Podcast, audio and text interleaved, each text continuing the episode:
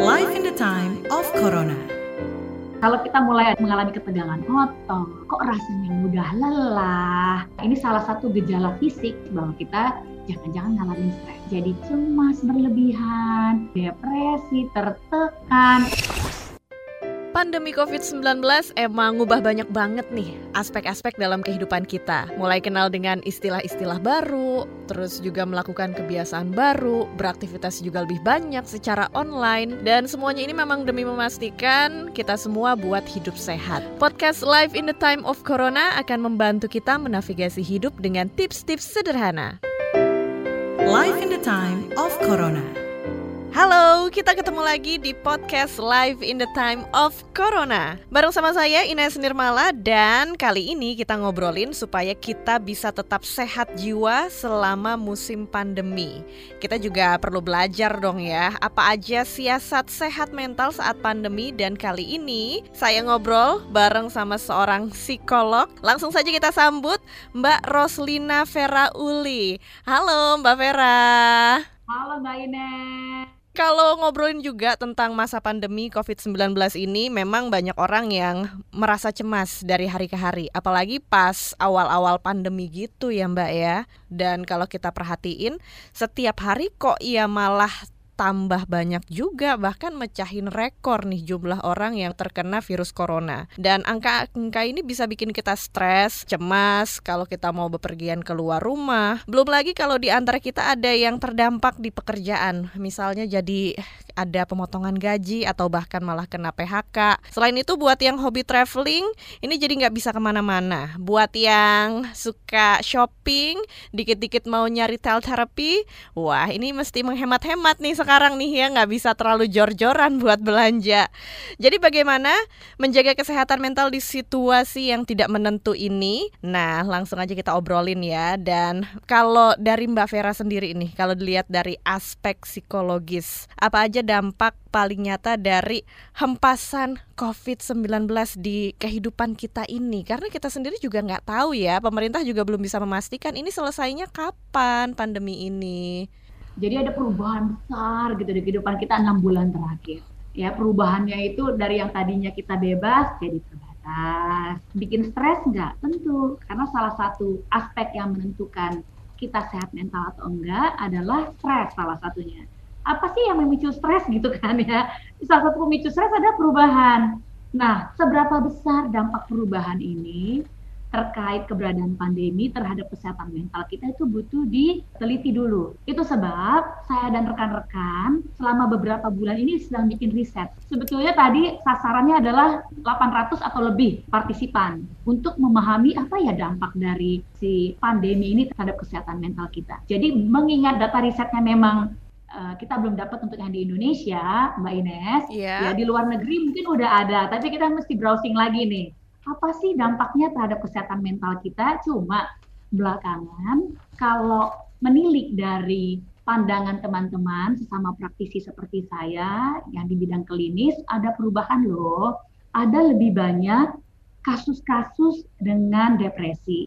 Masalahnya adalah sebelum pandemi pun dua tahun tiga tahun terakhir kasus kasus depresi memang lebih tinggi, Mbak.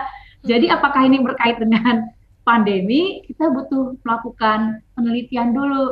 Apa sih dampaknya benar? Orang makin tambah stres, tambah cemas, uh, tambah banyak yang depresi, gitu kan ya. Kalau stres tentu karena ada perubahan lingkungan.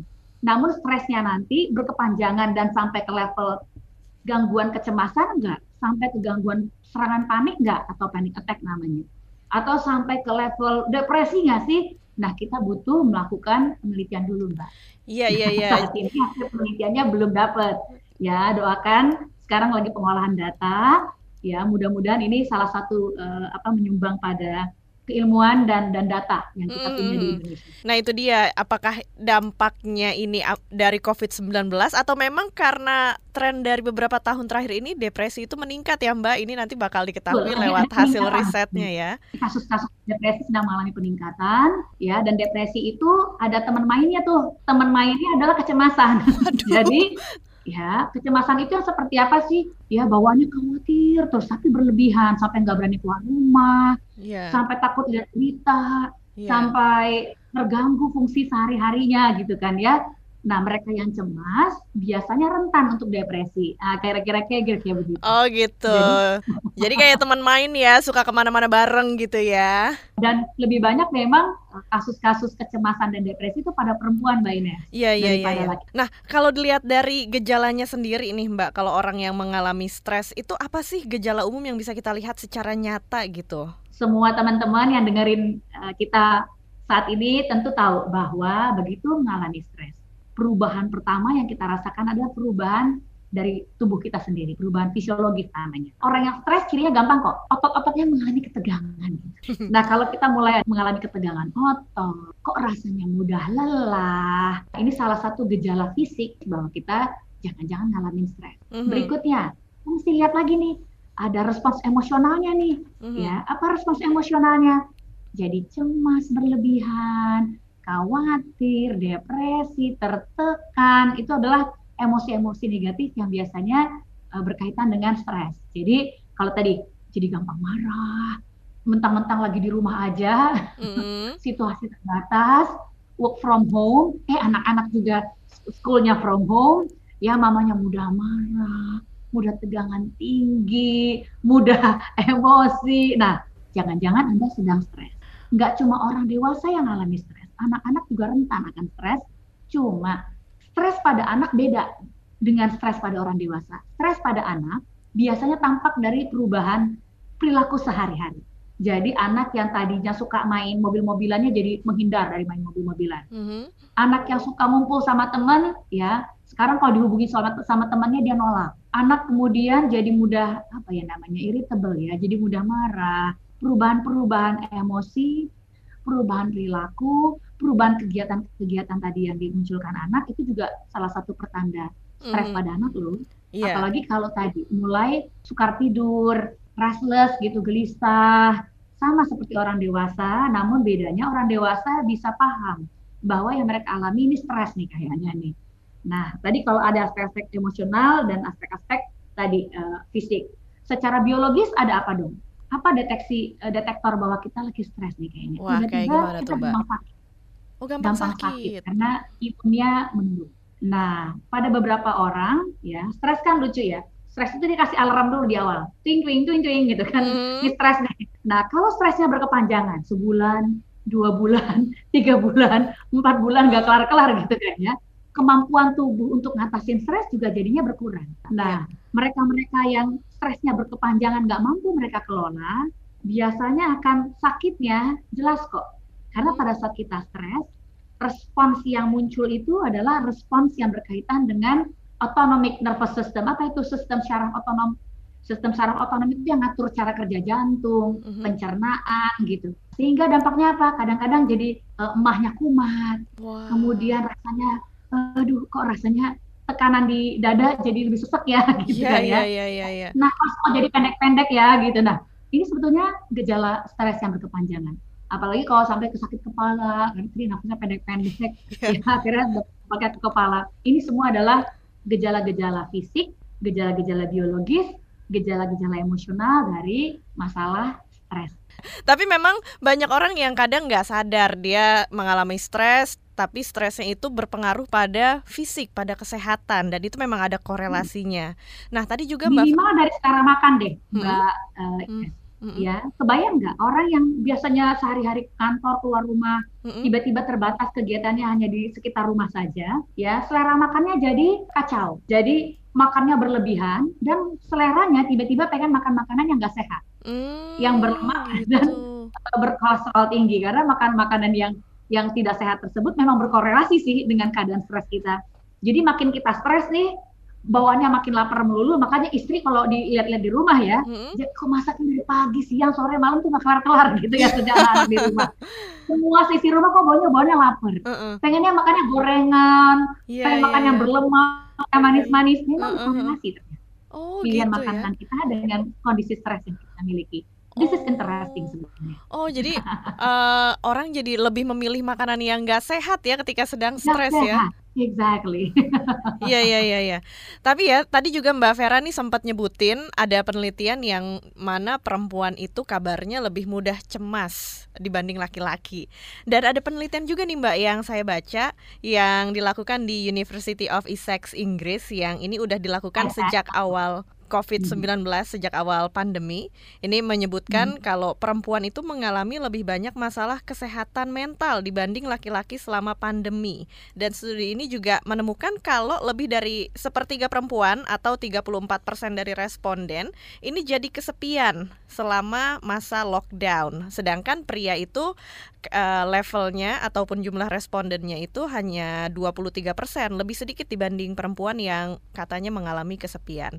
Nah, ini memang betul ya Mbak, ada respon yang berbeda antara laki-laki dan perempuan dalam menghadapi masalah atau ketika ada pandemi seperti ini. Kayak gimana sih Mbak? Nah, ini yang mesti diluruskan dulu ya, bahwa hasil penelitian tadi nggak bisa digeneralisir. Mm-hmm. Nggak bisa disimpulkan secara umum bahwa perempuan lebih mudah mengalami masalah-masalah kesehatan mental daripada laki-laki itu nggak bisa ditarik kesimpulan demikian. Mm. Namun benar bahwa perempuan memang cenderung lebih mudah untuk mengalami stres yang terkait dengan perubahan lingkungan, perubahan situasi, lebih mudah cemas, ya, lebih mudah depresi dan kenyataannya selama pandemi gangguan-gangguan yang muncul kebetulan gangguan-gangguan kesehatan mentalnya adalah yang terkait dengan kecemasan, terkait dengan stres, terkait dengan depresi gitu ya. Hmm. Itu sebab ya tidak heran bila hasilnya menyebutkan kok lebih banyak perempuan-perempuan yang punya masalah kesehatan mental ya terkait perubahan sedunia ini ya akibat pandemi karena tadi perempuan cenderung ketika punya masalah, punya stres, mereka cenderung menginternalize. Jadi hmm. memusatkan ke dalam dirinya sendiri masalah-masalah tadi. Jadi gini, aduh cemas, aku nggak berani keluar rumah, hmm. aku takut. Nanti kau mati gimana? Nanti aduh udah virus, aduh gitu kan ya. Yeah, yeah, yeah. Mereka cemas, mereka panik, nggak berani keluar rumah, depresi. Beda sama laki-laki perempuan sama laki-laki sama-sama bisa emosional. Mm-hmm. Perempuan sama laki-laki punya masalah emosional yang sama, namun perwujudannya yang berbeda. Mengapa perwujudan antara masalah uh, emosional di laki-laki dan perempuan beda? Karena perempuan cenderung menginternalize gitu ya, melakukan internalisasi bahwa ya ini ini karena gue yang gue bego nih, gue nggak bisa begini, jadi nyalahin diri sendiri, ya, nganggap dirinya jelek, nganggap dirinya kurang hati-hati, nggak pinter, pencemas, ya dia nyerangnya ke dalam. Kalau laki-laki cenderung externalize. Jadi kalau ada apa-apa, laki-laki cenderung menampilkan masalah yang mereka hadapin mm-hmm. itu keluar dengan cara menyer- lebih mudah menyerang orang, jadi lebih agresif. Jadi perempuan dan laki-laki sama-sama punya perasaan. Yeah. Perempuan sama laki-laki sama-sama bisa merasa kesepian, tapi perwujudannya antara perempuan dan laki-laki yang beda perempuan perwujudannya lebih internal, laki-laki eksternal. Jadi sebetulnya mungkin penelitiannya berpusat pada dampak terkait pandemi. Mm-hmm. Perempuan jadi lebih berespons memang terkait ini. Jadi seolah-olah perempuan lebih mudah stres dan punya masalah emosional dan atau kesehatan mental daripada laki-laki padahal sebetulnya sama saja dua-duanya namun perwujudannya memang beda. Karena perbedaan cara meresponsnya nih antara perempuan dan laki-laki. Tapi yang jelas keduanya perempuan dan laki-laki sama-sama pasti merasakan emosi, merasakan dampaknya juga secara mental di dalam masalah pandemi ini ya.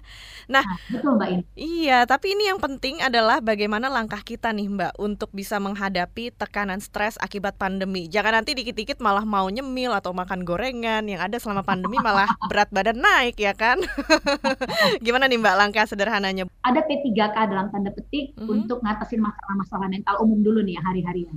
APA jadi Asosiasi uh, Psikologi uh, Amerika uh, merekomendasikan setidaknya kita melakukan tiga hal ini sebagai P3K dalam tanda mm-hmm. petik. Yang pertama adalah cukup tidur nih. Tidur itu nggak boleh kurang dari 8 jam sehari-hari. Nah, mengapa cukup tidur ini penting? Nggak cuma bikin daya uh, apa tingkat imun sistem kita jadi lebih baik, tapi kemampuan kita menolerir perasaan frustrasi, masalah emosional juga jadi lebih baik. Saya tuh ya kalau punya pasien atau punya klien, ya kalau keluhannya adalah gampang marah, tegangan tinggi, saya akan tanya, jumlah jam tidurnya berapa lama ya setiap hari? Kalau kurang dari 6 jam, jadi baunya bete, gampang marah, nggak konsentrasi, moodnya berubah-ubah, wajar. Saya akan minta coba tidur dulu yang cukup selama 2 sampai 4 minggu ke depan. Ya, jadi tidur ini harus cukup di jam yang reguler. Nggak boleh berubah-ubah. Oke, okay? karena ini erat kaitan dengan aspek biologis. Biologi kita kan punya jam biologisnya, punya uh, polanya. Yang kedua, ya pastikan makan makanan yang bergizi, ya bernutrisi baik. Nggak sekedar makan, nggak sekedar kenyang, nggak sekedar membahagiakan diri. Sering kan orang jadi emotional eater kan, jadi makannya banyak untuk merasa happy, merasa bahagia. Padahal sebetulnya yang mereka makan itu bikin mereka jadi punya masalah baru gitu. Berat badannya naik, makin stres lagi nanti gitu kan ya. Nah, jadi makanlah makanan yang bernutrisi. Yang ketiga exercise setiap hari, mm-hmm. tidaknya setengah jam minimal setiap hari. Kenapa exercise ini penting untuk meningkatkan kembali daya imun tubuh kita? Terpapar sinar matahari. Kenapa penting sinar matahari? Karena berkaitan dengan sistem imun lagi gitu. Oh, Jadi gitu. tiga ini dulu deh yang kita mau uh, kembangkan sehingga nanti sahabat-sahabat kita di mana pun berada jadi punya daya untuk bertahan atas stres. Iya. Tenang aja, semua orang stres, sehari-hari kita akan stres, namun cara kita mengatasi stres itu akan bikin kita semakin lama semakin efektif dalam ngatasin stres-stres yang lebih besar di kemudian hari. Jadi stres itu normal kok, semua orang ngalamin stres. Iya. ya. Tapi kan yang menghadapi stres dan situasi pandemi yang tidak menentu itu kan nggak cuma kita sendiri, tapi juga orang-orang di sekitar kita, keluarga-keluarga terdekat kita. Ini gimana nih Mbak caranya supaya kita bisa bersama-sama saling dukung, saling menguatkan?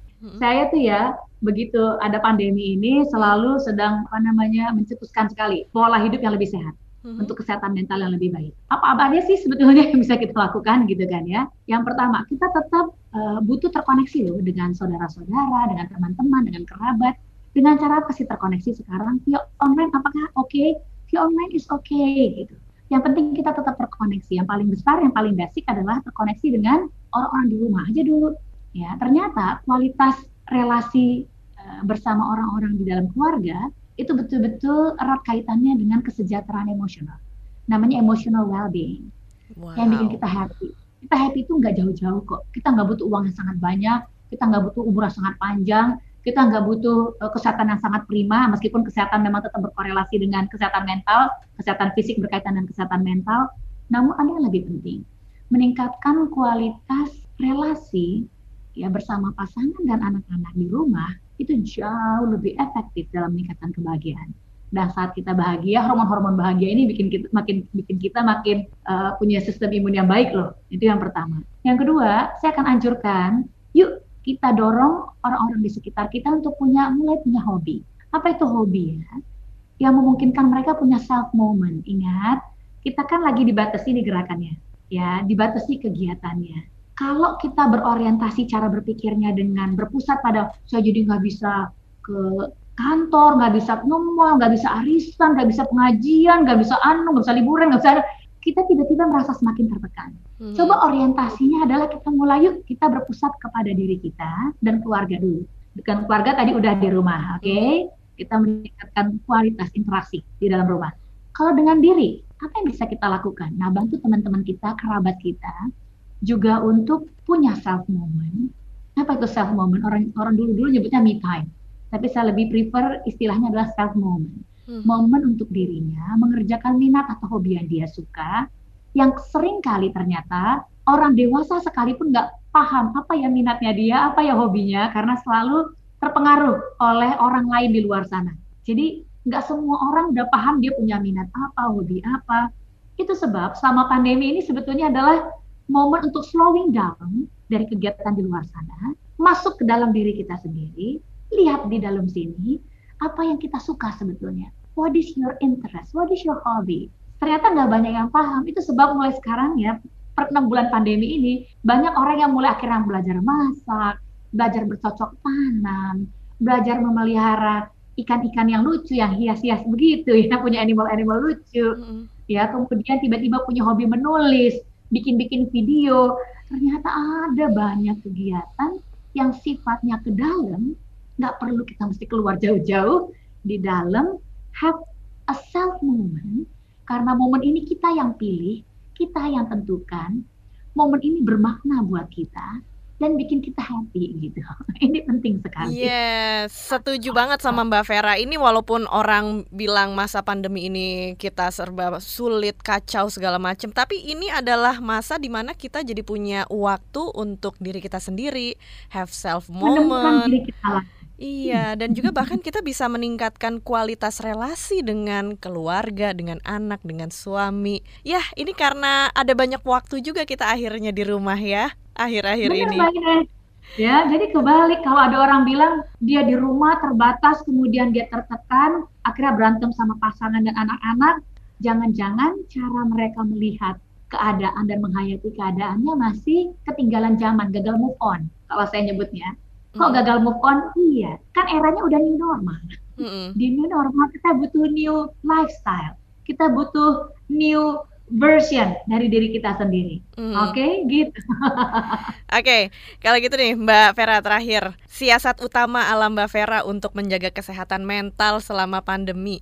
Kalau saya sih ya yang pertama yuk kalau kita nerima info yang banyak-banyak itu ya kita kan terpapar dengan berbagai macam info yang masif tentang hmm. yang mati yang meninggal yang apa yang segala macam yuk kita lihat dalam perspektif bantu diri kita lihat dalam perspektif ya, ya yang meninggal itu berapa persen sih? Dari 100 persen penduduk dunia yang kena itu berapa persen sih? Oh cuma 2 sampai tiga persen toh sebetulnya. Bukan mau mengecilkan bukan. Namun kita mau bilang bahwa iya ya nggak sebanyak itu. Lebih banyak yang sehat.